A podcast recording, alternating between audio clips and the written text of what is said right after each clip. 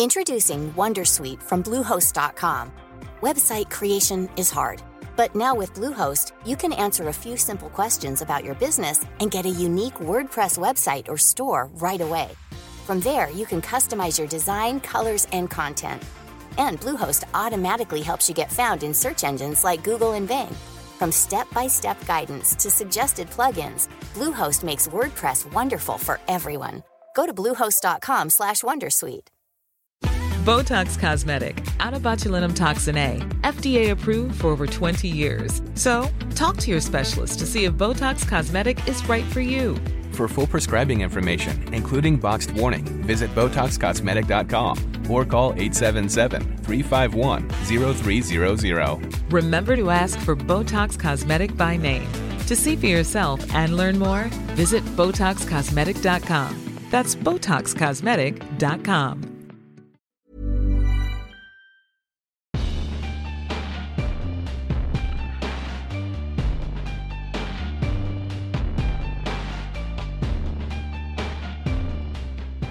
Hei og velkommen til podkasten Hva er greia med? med Ole og Jonas. Hei, Ole. Hei, Jonas. Der eh, vi gjør lekser på et tema vi syns er eh, interessant. Og da slipper du å gjøre de leksene sjøl.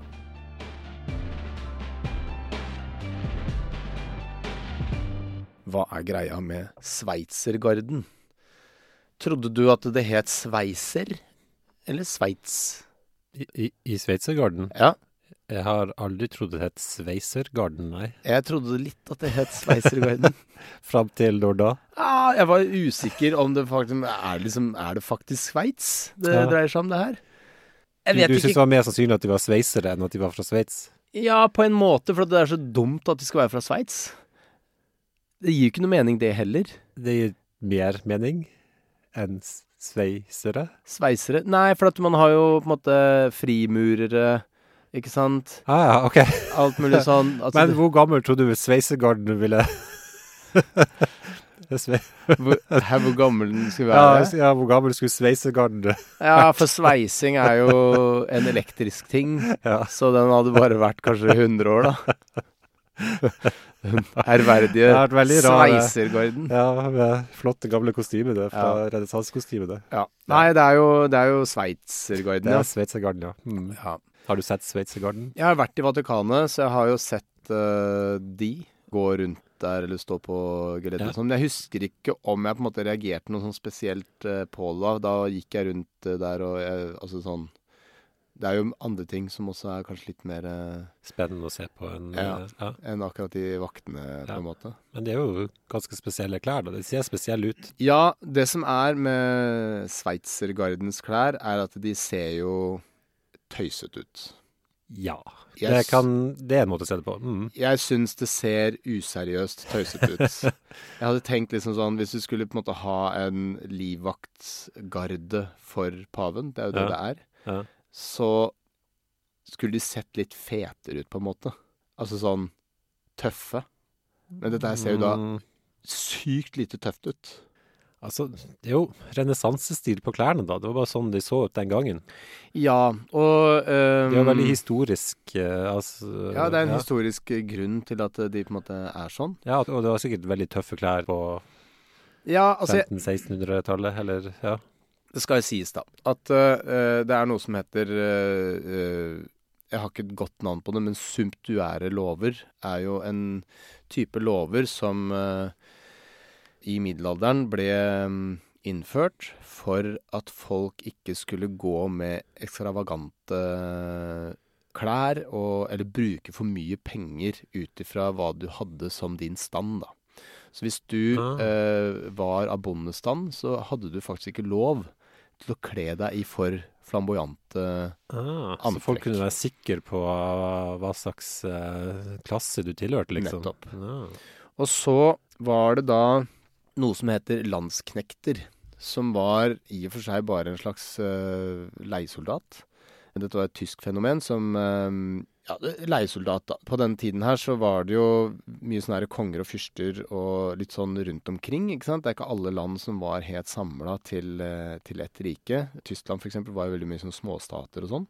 Så for å ha eh, sikkerhet i ditt område, så var det vanlig å leie inn en hær.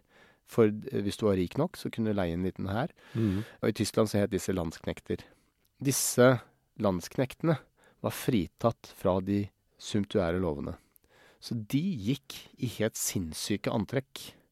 Eh, med flagrende gevanter og så på en måte helt sprø ut i forhold til resten av eh, befolkningen. Som en slags sånn veldig signaleffekt på OK, her kommer det noen andre mennesker. Disse Ja. er ikke som deg og meg. Nei. De er på en måte pilgiftfrosken i regnskogen. Altså de med ildskrikende farger for å vise at det, dette er farlig. Mm. Du bør holde deg unna, på en måte. Mm. Og de var virkelig farlige. De var ekstremt voldelige, og de var opportunister, sånn at de fikk jo da Hva skal jeg si De fikk jo penger for å beskytte den og den oppdragsgiveren.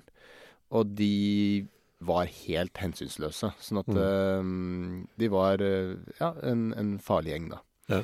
Så sveitsergarden besto jo opprinnelig av sveitsiske leiesoldater som var over samme lest som landsknektene. Ja. Eh, For de hadde en lang historie med å være gode. Altså, det var en romersk eh, en slags historiker eller noe sånt, som het Tacitus, som har omtalt eh, at disse Ja. krigene fra Helvetia da, ble altså Sveits, Helvetia, det er litt om hverandre, hvor det området ble mm. Jeg vet ikke når det begynte å bli kalt Sveits, men allerede den gangen ble de omtalt som gode leiesoldater. Mm. Mm. Sånn at eh, de, de kunne man stole på, på en måte. Så de beste leiesoldatene ble ansett å være fra Sveits, da, Mm. i middelalderen. Så de ville jo da selvfølgelig da også, eh, på en måte, tradisjonen tro, kle seg på denne sprø måten. Ja. For å på en måte gi signal om at, eh, hva slags typer de var, da. Ja, det, det, ettersom det var leiesoldater, så var det jo også ut ifra hvor stor hær du hadde og sånne ting, det, og hva slags type våpen og sånne ting. Men det var jo i og for seg bare å betale stort nok beløp, så fikk du stor nok hær. Og kunne da sende de i krig mot andre typer leiesoldater Ja. rundt omkring. Jeg får ta veldig kjapt om uh, klærne de går i i dag. Eh, de er ikke, har ikke så veldig lang historie, egentlig. Nei. Eh, Det De er ble mer lagd eh, sånn- på begynnelsen av eh, 1900-tallet av, eh, av en eh, kommandør som het Schulzrepond, Jules Repond, eller noe sånt. Jeg vet ikke hvilket språk det skal uttales på. Som baserte dette på et bilde fra, fra 1500-tallet. Ja. Som, eh, og der de hadde renessanseklær, da. Så kanskje det eldste bildet han fant av Sveitsergarden, eller noe sånt. Ja, så det er en slags blast from the past eh, fra Ja, til det, det, det, 1900-tallet. det er altså, visstnok sånn. en myte at Michelangelo lagde disse. Men det Ja, han bare- eller Raphael. Ja, men det er bare tull. Men Det er bare lagd av- basert på et bilde. Ja. gammelt bilde. Mm. De, man må, burde jo gå inn og søke det opp. Ja, skal, vi, skal vi kanskje rett og slett beskrive veldig nøye hvordan de ser ut? Vi kan se på et bilde her. Ja. Eh, har du lyst til å starte fra toppen, Jonas? ja, altså de har jo da mm, En del av eh, variant av uniformen er jo da en Det er en stor sånn posete alpelue, svart. Ja. Som på en måte er en slags berett, men litt løsere i snippen enn det det er uh, i f.eks. det norske militæret, da. Ja. Hvor den skal ligge sånn klistra til hodet. Og så er det jo da hvit krage, som uh, kan være vanlig sånn skjortekrageaktig, eller full sånn uh, renessansefrysjete. Mm. Og så er det en slags dressjakke med veldig posete skuldre og armer. Ja, som er for det meste eh, gul og blåstripet, som et svensk eller ukrainsk flagg omtrent. Ja. Eh, om hverandre, med innslag av en rød stripe på armene. Ja. Knapper foran og et belte utapå jakka. Ja. Egentlig litt sånn som um, Husker du da Anders Behring Breivik eh, hadde den rettssaken sin hvor han eh, saksøkte norske stat, eller gikk til sak mot norske stat? Så han Ja. laga en sånn der egenkomponert eh, uniform med belte utapå dressjakka. Å ja. Mm. Eh, nei, det gikk ikke den retningen, men morsomt at du klarte å få han inn i denne episoden. Ja. Um, uten annen sammenligning for øvrig. Ja. Også veldig posete armer. Der er det noe innslag av rødt og Det er rødt og gult og blått, da. Og så røde ermer. Mm. Ja. Hvite hansker. Store, posete bukser og i samme stripete. Enormt posete bukser. Ja. De mest posete buksene du får tak i, vil jeg si. Ja. Jeg føler at noe av det som gjør det ekstra tøste, er jo det som er Altså, i buksene Fargene er jo sånn, men også leggene. For de har jo sånne gamasjer på leggene. som går ned over skoene. Ja. Som eh, da også er eh, gul og blåstripete, da. Ja. Ser jo ut som en, en sånn stor eh, sånn Hva heter det? Sånn godteri? Bonbon? Ja, ja. Nei, det er vel en typisk sånn pent renessansekostyme, da, egentlig. Ja. Ja. Og så eventuelt en hjelm da, med sånn stor rød dusk på toppen. Ja. Tror offiseren har hvit dusk. Ja. Det sies, man er ikke helt sikker, at det røde symboliserer Medici-familien. Ja. Veldig, veldig eh, mektig familie i italiensk historie, som også flere paver kommer fra. Blå og gult er fra Della Rovere-familien, eh, der er Julius den andre paven eh, som eh, Ja, for nå kommer vi inn på historien, som var med å stifte Sveitsergarden, da. Ja, det er han som var den første som eh, tenkte jeg bør ha en eh, privat hær for å beskytte meg. Og han eh, i 1506 så lanserte han da Sveitsergarden som sin private hær. Han ble jo da kjent som på en måte krigspaven. Altså, på den tiden så var jo paven eh, var jo på en måte lederen av eh, et område i eh, Italia, før Italia ble samla til, eh, til et rike. Det var jo sånne regioner rundt omkring. Men paven var veldig mektig, og førte jo krig her og der, og som alle andre på en måte statsledere, da. Mm. Eller regionsledere på den tiden. Førte han krig, rett og slett? Paven? Ja, ja. De det, ok. Ja, herregud, de Ja. satte i gang kriger og, og kjørte på. Ja. Ikke med, altså Sveitsergarden var den personlige livvaktstyrken. Det var ikke de som førte kriger, antagelig, men de var den personlige livvaktstyrken til Ja. eh, paven. Mm. Ja. Og første gang måte man fikk eh, ordentlig bruk da, for denne her, eh, garden, var i eh, 1527, da det kom veldig mye da, sånne landsknekter fra Tyskland og rett og slett eh, plyndra eh, Roma. Mm. Og da var jeg på en måte paven, eh, øverste lederen av Roma. Og igjen, dette er da leiesoldater, så mye av på en måte krigsbyttet, altså hvordan de får betalt for å drive denne typen eh, krigføring, er bare å stjele alt som er der du kriger. Ja. Så um, det var jo flerfoldige tusen mennesker i Roma som døde. Var, da var Roma en by på rundt 55 000 innbyggere, og 10 000 av de døde i Oh, wow. denne krigen. Paven hadde rundt eh, rett i underkant av 200 sånne sveitsergardsoldater. Og da var det vel 42 av de som overlevde. Paven sjøl flykta til eh, Castel St. Angelo, som er et sånn eh, bygg på utsiden av eh, Vatikanet. Ja. Um, Det ligger nede ved Tibørn. Uh, man Det er veldig tydelig bygg. Det er sånn rund bygning. Uh, Hvis man går over Tibørn på vei til Vatikanet, så er det en svær, rund bygning. Ja, veldig- jeg tror det ble utgangspunktet bygd som uh, gravmonumentet til keiser Hadrian. Ja, okay. Og så eh, har det blitt brukt som fengsel og litt sånn forskjellig opp igjennom. Men, eh, men da også tilfluktsrommet til, eh, til paven, da. Ja. Uh, han ble fanga til slutt, og uh, satt i fangenskap. Og alle disse pavene opp igjennom som har kriga, ikke kriga, alt mulig, er jo på en måte et, en suppe av uh, historie. Men i hvert fall da fransk revolusjon kom til på en måte utvida grensene sine, og Napoleon begynte å krige rundt omkring i Europa. Så seint 1700-tallet, tidlig 1800-tallet, så ble jo da paven på nytt eh, tatt til fange. Og overført til eh, Frankrike, for at de på en måte krevde at eh, republikken skulle eh, måtte være Var det noen i med Sveitsergarden som døde den gangen? For jeg fant liksom ikke så veldig mye annet enn Nei, da var det bare sånn ja, OK, vi blir med og holder vakt, liksom. Det var mer sånn eh, symbolsk. Ja, fordi de eh, skjønte at det her kommer ikke til å gå uansett, så Ja. de bare overga seg antagelig. Så dette skjedde også igjen i revolusjonen i 1848, og så Altså, så paven ble på en måte flytta rundt omkring på, helt til den sterke mann Benito Mussolini kom i 1929 og sa OK, Vatikanet er et eget land. Paven er uh, sjef i Vatikanet. Sånn er det bare. Alt mulig som skjer rundt omkring ellers, er det ingen som har noe med å gjøre.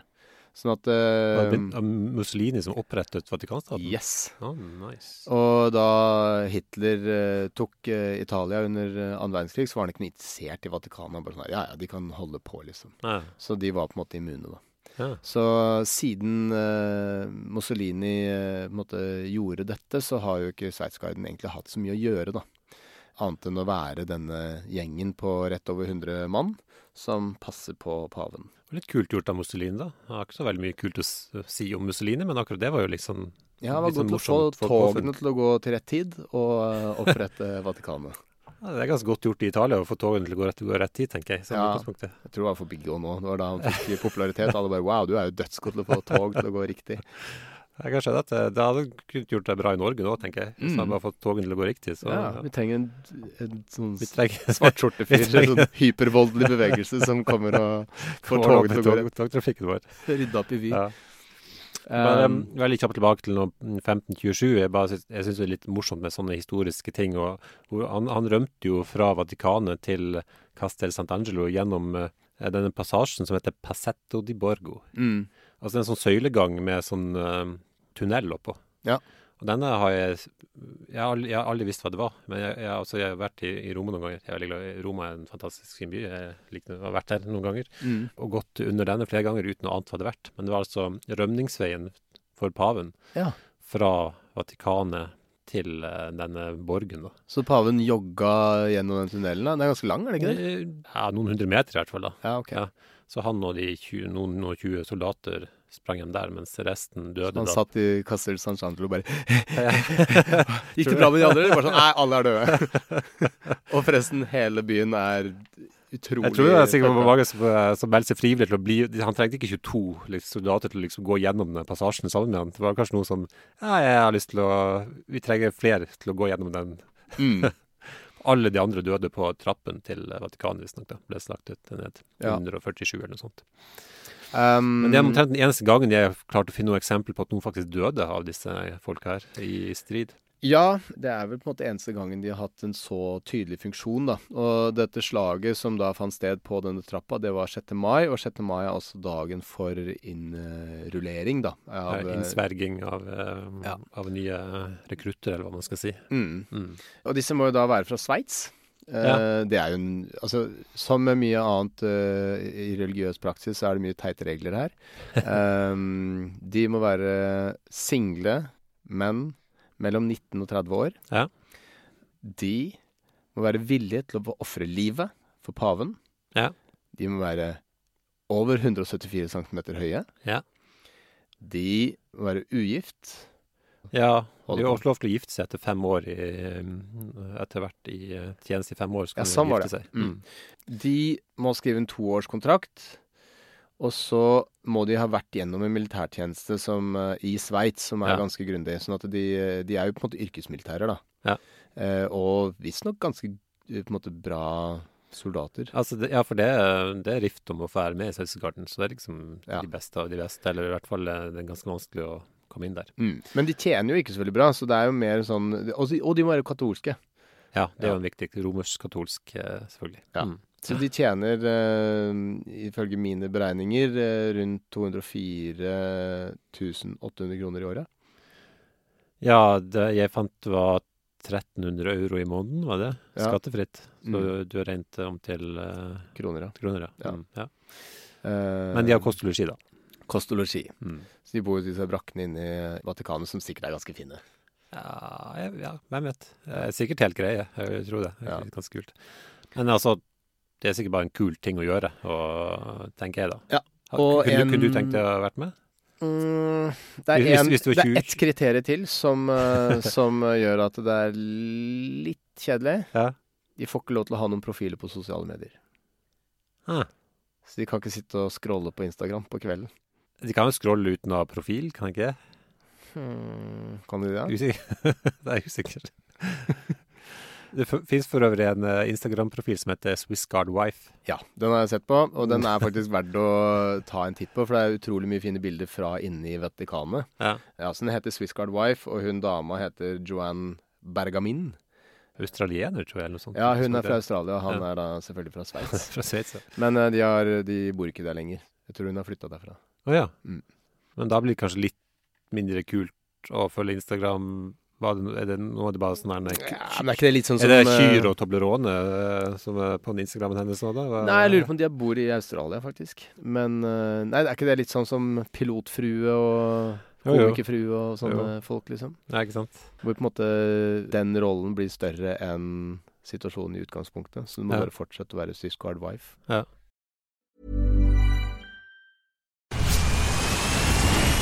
Where's that dust coming from? Still finding debris after vacuuming? Eufy X10 Pro Omni Robot Vacuum has 8,000 PA of powerful suction to remove debris deep in carpets. And it's totally hands free. Want to know more? Go to eufy.com. That's EUFY.com and discover X10 Pro Omni, the best in class all in one robot vacuum for only $799. Introducing Wondersuite from Bluehost.com. Website creation is hard, but now with Bluehost, you can answer a few simple questions about your business and get a unique WordPress website or store right away. From there, you can customize your design, colors, and content. And Bluehost automatically helps you get found in search engines like Google and Bing. From step-by-step guidance to suggested plugins, Bluehost makes WordPress wonderful for everyone. Go to bluehost.com/wondersuite. Men ehm, det skjedde jo noe dramatisk i 1981. Ja, og da var det jo nesten så man fikk bruk for eh, en, uh, en uh, sveitsergardist. Ja, ja. Da skulle jo da Altså, folk som er katolske, eller bare turister, drar på pilegrimstur Mm. til eh, Roma og ser på Petersplassen. Eh, og innimellom det, som også, det er jo litt komisk, da. For at det, er jo tusenvis av folk som står på den Petersplassen. Og innimellom tar paven en liten uh, rundtur og hilser på folk. Det han gjør da, er jo å sitte i Pope-mobil, altså den der bilen Ja. uh, der. For han kan jo ikke En slags uh, jogge rundt. litt sånn kjip kabriolet. Ja. Ja. Ganske stygg liten Ser ut som en litt stor golfbil, Ja. Som er helt hvit. Og der sitter han i hvite gevanter. I og- Italia burde du kanskje fått eh, Ferrari eller Lamborghini, eh, noen til å lage noe litt kulere. Ja. Men eh, pave Johannes Paul var jo da den første paven som virkelig eh, var opptatt av å reise rundt. Han dro til veldig mange forskjellige land. Han eh, hilste på folk eh, og på en måte åpna opp måte det skjulte livet i Vatikanet. Så han satte seg på Pope-mobil og dura rundt på Petersplassen. Da var vel å merke ikke disse um, sveitsergardistene i disse her dumme klovnekostymene sine. De gikk i dress, for det gjør de også.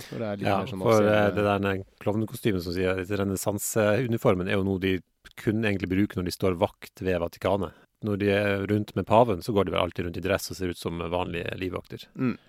Men i uh, befolkningsmengden så var det en uh, tyrkisk fyr som het uh, Mehmed Ali Akka. Som var eh, en tyrkisk eh, nasjonalist og medlem av en terrororganisasjon som het De grå ulvene.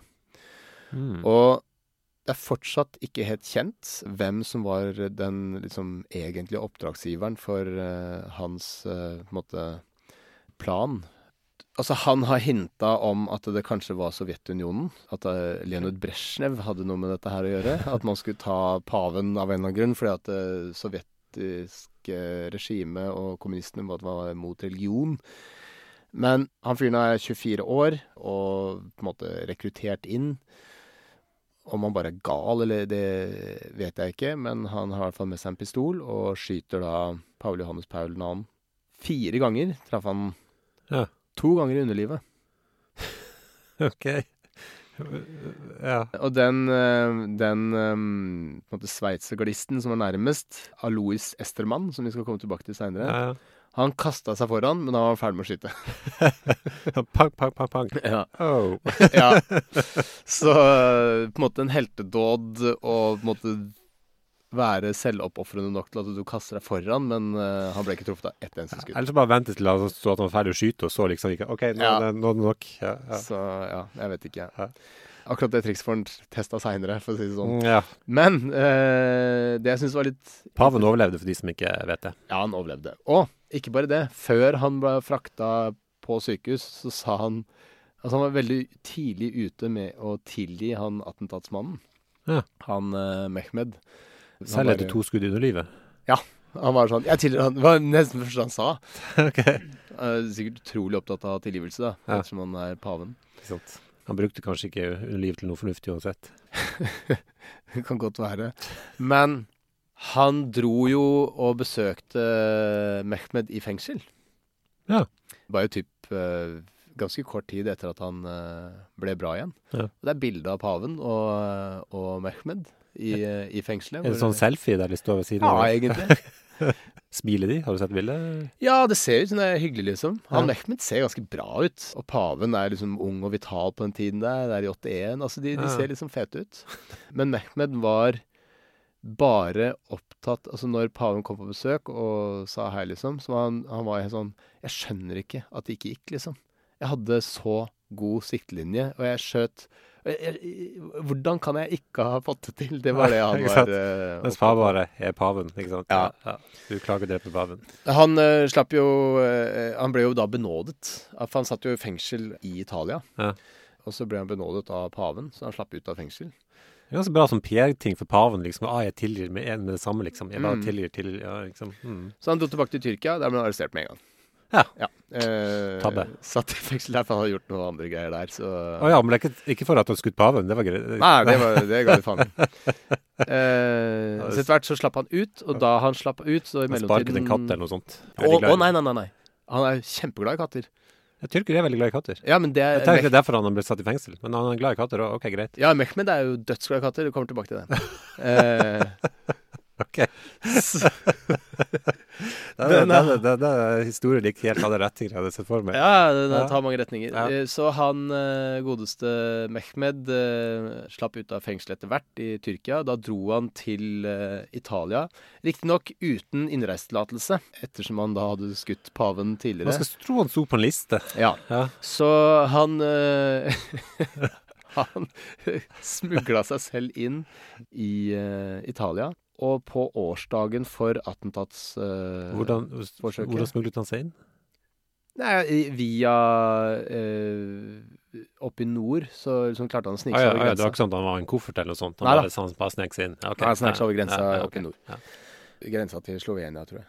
Ja. Som er veldig kort til Italia. Men eh, i hvert fall eh, Han kom seg inn og dro til Petersplassen. Og ble da oppdaget på Petersplassen med blomster, hvor han la ned blomster på, på det stedet hvor han hadde skutt eh, paven. da. Ja. Dette var jo da e etter at Johannes Paul hadde dødd. Ja. Men da var det bare sånn Falt to bilder og bare yay! og så nå bor han i eh, Istanbul og eh, har livnært seg litt på å fortelle historien sin, skrive noen bøker og sånn. Hmm. Men også er en slags eh, hva skal vi si ta vare på løshunder og katter i området. Hvor han eh, driver og passer, okay. på, passer på de. ja. Hvis du googler Mehmed Ali Akka, eh, så finner du høyst sannsynlig et bilde av en eh, fyr eh, Kjekk eldre herre som Ja. eh, fôrer katter. Ja. Det er klart du gjør en karriere på å skyte paven, da. Det er jo ikke så verst. Ja. Ja. Det er ganske brukbart. en glad, øh, glad historie. Men det gikk ikke like bra med han uh, sveitsergardisten som, uh, som kasta seg foran eh, etter at paven hadde blitt skutt. Ja, det gikk jo bra. Veldig bra ganske lenge, vil jeg si. Han steg jo i gradene. Han øh, Steg i gradene. Han ble jo faktisk eh, sjef for uh, sveitsergardistene. Ja, ja, en kort periode, får man si. Svært kort periode. han ble forfremmet, i hvert fall. Ja, på den tiden så, eh, så var han da gift med en dame som het eh, Gladys Mesa Romero. Som, eh, så da han hadde jo vært der lenger enn fem år. da Han kan, eh, fikk lov til å gifte seg. Ja, dette, han har vært der sånn rundt 20 år da, ikke sant? Mm. På dette tidspunktet. I Ja. 1998. Ja. Og så er det jo interessant, for ettersom han var forfremmet, han var sjef for hele Sveitsergarden, det betyr at eh, han kan også forfremme andre sveitsgardister til forskjellige roller. Det er jo på en måte et lite lagsystem der. Mm. Man vet jo fortsatt ikke helt hva som skjedde da. Fordi at ettersom Vatikanet er et eget land, så kan du drive og Hvis det skjer noen kriminelle handlinger der inne, så kan man jo Ja, um, de har en egen politistyrke som etterforsker og sånt. Ja, så de Mm. etterforsker seg selv. Ja. Litt som når eh, norske politiet skal etterforske seg selv etter at de har gjort eh, rare ting. Banke folk. Ja, men, men, øh, men det er en annen gren, da. Altså, de har egen politistyrke òg. Altså, Ja. Sveitsgarden er jo ikke politiet i Vatikanet. Nei da, det er en egen politistyrke. Så det ble som politiet etterforsker garden, da, kan Ja. du si. Ja. Mm. Men han eh, forfremmer Ja. en fyr. Og det Ja, altså han forfremmer en, en uh, sveitsergardist. Mm. Og så, rett etterpå, så blir da både Alois Estemann, eh, som da var gardesjef. Ja, nettopp litt. Samme dag, vel? Nettopp blitt samme dag. Ja, Innsatt. Mm. Og kona hans, Gladys Mesa Romero, de blir skutt. Ja. Av en fyr som heter Cedric Tornay. Tornay. Mm. Ja. Som også blir funnet drept. Eller man finner jo tre stykker drept. Eh, også, Og det konkluderer veldig fort med at han Cedric skjøt de to andre og så seg selv. For etter at uh, Alois eh, hadde på en måte blitt forfremma, så hadde han uh, på en måte gitt fordel til en eller annen annen uh, sveitsergardist, som da de mener at uh, Cedric ble sint for at det hadde skjedd. Var det ikke Stemmer dette med det, det researchen? Eh, akkurat den Det jeg leste, var vel egentlig at han skulle jo egentlig få den der medaljen, binde med rentemedaljen, Aha. for tre års tjeneste. Ja. Cedric skulle få den. Cedric skulle få den. Ja. Jeg har ikke, hørt, jeg har ikke fått med meg at han fremmet noen andre. Nei, Men, det kan også være en annen del av historien. Men, men, men uansett så Og dette var jo dagen før den, den innsvergelsen av nye rekrutter. Jaha. Og også den dagen der folk ble tildelt denne medaljen. Nettopp 6. mai. 6. mai. Eller to dager før. da- Rett før, i hvert fall. Mm. Sånn her eh, Cedric var visstnok veldig vonbråten for at han ikke skulle få denne medaljen, fordi han hadde vært ute av Vatikanet på en eller annen kveld eller noe sånt uten å ha fått lov til det. Okay. Så han blitt irettesatt av uh, Alois Hestemann. Alois Hestemann. Ja, og Alois Hestemann og Cedric eh, var visstnok veldig gode De hadde veldig mye kontakt. Ja. Eh, var eh, Hadde en uformell tone, ble det sagt. Så det var spekulert på om de hadde et forhold. Ja, fordi eh, det har vært mye sånne eh, konspirasjonsteorier, annet rundt eh, om det hadde noe med denne organisasjonen som heter Opus Dei innenfor den katolske kirke. Ja, som er en sånn og hyperkonservativ gjeng som Ja. uh, driver med hva skal jeg si, religiøs politikk, da. Ja. Mm. Og, og, og frimurerne og sånne ting. De er jo alltid innblandet i alle sånne også om no, Det var noen som var interessert i å ta livet, at det var en sånn maktkamp innenfor uh, Vatikanet. At det var derfor de ble skutt. Det er derfor jeg trodde det var sånn sveisere der òg. Ikke sant? Og også noen mente at han var Stasi-agent, f.eks. Ja. Men så er det en eh, britisk journalist eh, som heter John Follane, som har skrevet en hel bok om dette, som folk ser fra 2006, som folk ser ut som kanskje har Mest anerkjente. mest anerkjente, eller ja, hva man skal si, som skriver ganske rett frem at eh, de to rett og slett hadde en kort affære. Alois og, Ja. um, og Cedric. Ja. Ja. Og også at uh, han Alois hadde hatt en affære med en annen soldat senere. Ja. Ja. Så, Så var er sjalusidrama. også litt sjalusidrama. Og da, det, altså, alle de soldatene er jo menn, da. Så uh, det finnes ikke kvinner i, ennå i, uh, i denne styrken. Nei. Noen lurer på at det Altså, det var noe oppi det hele, da. Men liksom i forhold til at han akkurat skulle få denne Benemerente-medaljen Mm. rett etterpå. Og dette er en ganske stor greie. Det kommer familier som du skal se på, liksom de får tildelt. Og kanskje, det var sikkert et ganske stort slag for han akkurat der og da, tenker jeg, å få vite at han ikke fikk det med. Han har også skrevet et brev der han skrev at han var veldig eh, sint fordi at han ble fratatt det eneste han egentlig hadde lyst på, var denne, få denne medaljen. da. Mm. Så det kan ha vært en uh, Det virker jo ganske plassibelt, for det er noen som spekulerer i om at uh, måtte, interne strukturer i Vatikanet har skutt Cedric, og så fått det til å se ut som selvmord, og så skutt Alois og eh, Gladys ja. pga. maktkamp, da, internt. ja. Men eh, det virker usannsynlig å si at de skulle gå så langt som altså, For det blir jo en gigantisk offentlig greie ikke sant, når noen blir skutt og drept inne i Vatikanet. Så jeg vil tro at de hadde andre måter å fikse ting på hvis det var en form for maktkamp innenfor eh, Vatikanet enn det faktisk går til slags uh, trippeldrap med en sånn cover-up-historie. Men er det ikke moren til Cedric som har eh, kommet og bedt om å gjenoppta saken, og fått nei? Eh, ja, hun har eh, fått noen til å se på det her Han la igjen en lapp, eh, Ja. ikke sant, og få se på liksom eh, håndskriften og sånt, og så er det noen som sier at det ser ikke ut som hans håndskrift, og papiret han brukte var ikke noe han hadde tilgjengelig, de mente at det var bare eh, sekretariatet i Vatikanet som hadde den typen papir, og litt sånne ting da, Mm. som hvem vet kanskje en greie, men på annen side er det noe som liksom passer så utrolig godt på disse papirene at det ikke kunne finnes sånne papir litt rundt omkring. Eh, Altså, det dra, dra- det litt langt og si at det legger veldig mye vekt på, og håndskriftanalyse er jo også litt sånn vitenskap som er litt sånn der ute. Ja. Så jeg tror de fleste er tross alt enige om at det sannsynligvis var den som Det som skjedde, var det, det som skjedde, var det som er den offisielle historien, da. mest sannsynlig, rett og Mm. slett. Mm. Det skal jo sies da at um, det er mye uh, Hva skal jeg si uh, Kontrovers rundt Vatikanet generelt, ikke sant? Altså med, med pedofiliskandalene og, og sånne ting. Og mye mm, sånn overgrepshistorikk. Og dette har jo også vært eh, gjenstand i, eh, innad i Sveitsergarden. Mm. Hvor eh, mange av uh, tidligere sveitsergardister har fortalt at eh, homofile kardinaler og biskoper bruker de som en slags eh, hva skal vi si, form for kjøttmarked. da. OK. Hvor de finner ut uh, om det finnes homofile uh, sveitsgardister i stokken. Det er jo rundt uh, rett over um, 100 personer. 135 fra i hvert fall i 2019, sto det. Ja. Mm. Ugifte menn uh, mellom 19 og 30. Så De har kanskje en Ja, det kan jo tiltrekke seg kanskje I hvert fall i noen grad, og så vil det også være ikke helt unaturlig at eh, man eh, kanskje gir etter for et eh, metoo-aktig press, da. Ja. Så prest. eh, prest, ja. Pre men metoo-aktig prest. Mm. Ja. Så eh, det var vel en um, sveitsgardist som på et eller annet tidspunkt hadde vært invitert til en middag, og så hadde han blitt servert mat, og så hadde han fått beskjed av da denne kardinalen som hadde denne middagen, og desserten, det er deg. Nice. Mm. Så um, eh, ikke bare pedofili, men også Ja, eh, seksuell trakassering av Ja. voksne mennesker. Mm. Ja, nei, det, det mm, Skal vi ta litt um, generelle fun facts om uh, Sveitsergarden?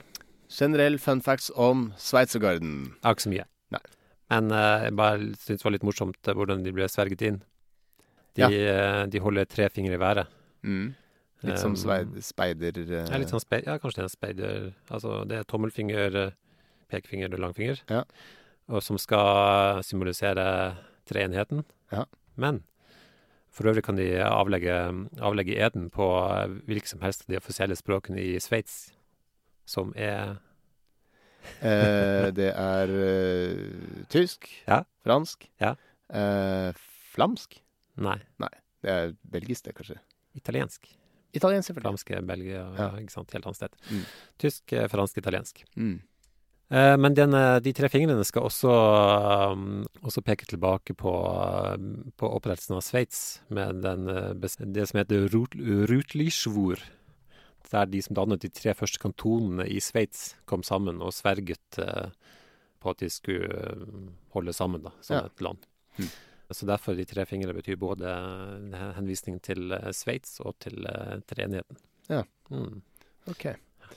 En ting som Er du ferdig med fun facts om uh, Sveitsgarden nå? Ja, eller De fikk en ny hjelm i 2019. Okay. Byttet ut, uh, ut metallhjelmen med PwC, med skjulte luftventiler. Ja, for det er litt kjekt. Fordi den der hjelmen er jo gigantisk. Og hvis den er uh, rent metall og står der i eh, Ja, og, varmen, så og klærne de har på seg veier 3,5 kilo. Ja. Ja, og sikkert rimelig, kan bli rimelig varmt i Vatikanet. mm. Så eh, jeg vet ikke om de har vifter inne der òg, men i hvert fall uh, Det er plass til det da, i de her buksene. De er jo så svære at det er Ja, kanskje det. Men um, eh, de går jo med våpen når de er eh, stelt opp, og det de går med er da en hellebard. Som er Mm. en kjempelang pinne, egentlig. Altså det er et slags spyd, Ja. hvor eh, spydspissen eh, også har et slags eh, økseblad. ja. Eller den har en sånn spiss på den ene siden og et sånt økseblad på den andre siden, vel. Ja. Eller noe sånt. Men eh, de har også, i nærheten så har de også moderne våpen, så man skal ikke på en måte undervurdere de bare fordi de har den derre forhistoriske middelalder... Ja. Eh, De bruker jo sveitsiske sveitsisk uh, Sig Sauer, tror jeg, eh, pistoler. Ja. Så, um, men, men så de har, har de det på seg, de som står i de kostymene? Nei, visstnok ikke. Nei. Eh, selv om jeg syns de burde ha det inni den buksa, da. Ja. Ikke sant? De kan jo ha maskingevær inni der, Ja, ja. liksom, uten at noen eh, ser det. Ja. Så det kan man jo komme med et forslag om, kanskje. Ja. Jeg, aldri, jeg, jeg klarte ikke å finne noe om at de noensinne brukte den hellebarden på noen. Eller, eh, Nei, altså mm, Det var jo sånn eh, Historisk sett så ble man Brukte de jo hellebardene når disse landsknektene og, og sveitsergardister og Eller eh, hva heter det? Eh, leiesoldater eh, sloss, og klumpa de seg sammen og hadde disse pinnene i alle mulige retninger. Ja, så de så ut som en slags pinnsvin, på en måte. Ja, Og så kunne de bare gå bortover, og veldig vanskelig å komme innpå, da. Ja, nettopp. Så, så det er på en måte den hovedfunksjonen til disse her. her. Mm. Kunne stikke folk på avstand. Nei, så de er veldig, veldig lite innblandet i bråk generelt. Som sagt, utenom 1527 fant jeg, klarte ikke jeg å finne noen Ja, nei, det er ikke, ikke noe um, Og da eh, den ene gangen i eh, 1981 hvor paven ble skutt, og i eh, 1998 da sjefen for Sveitsergarden ble skutt Ja. sammen med kona si. Så de lever et ganske fredelig liv, egentlig. Ja. Og, Det er en veldig trygg hær å være en del av. Ja, og de har egentlig Når de ikke er på vakt, så har de lov til å gå ut uh, og bare drikke øl og henge rundt i Roma. Så Mm. det er jo det er, ikke, det er ikke sånn veldig strengt regime når de ikke er på vakt. Nei. Nei, så det er jo, hvis du ser bort fra den seksuelle trakasseringen, så virker det en OK jobb å ha. Ja, ja. Mm.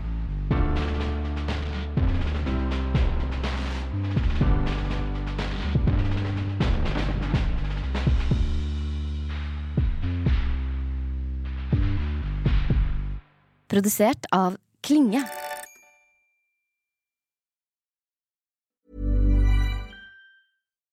Botox Cosmetic, out of botulinum toxin A, FDA approved for over 20 years. So, talk to your specialist to see if Botox Cosmetic is right for you.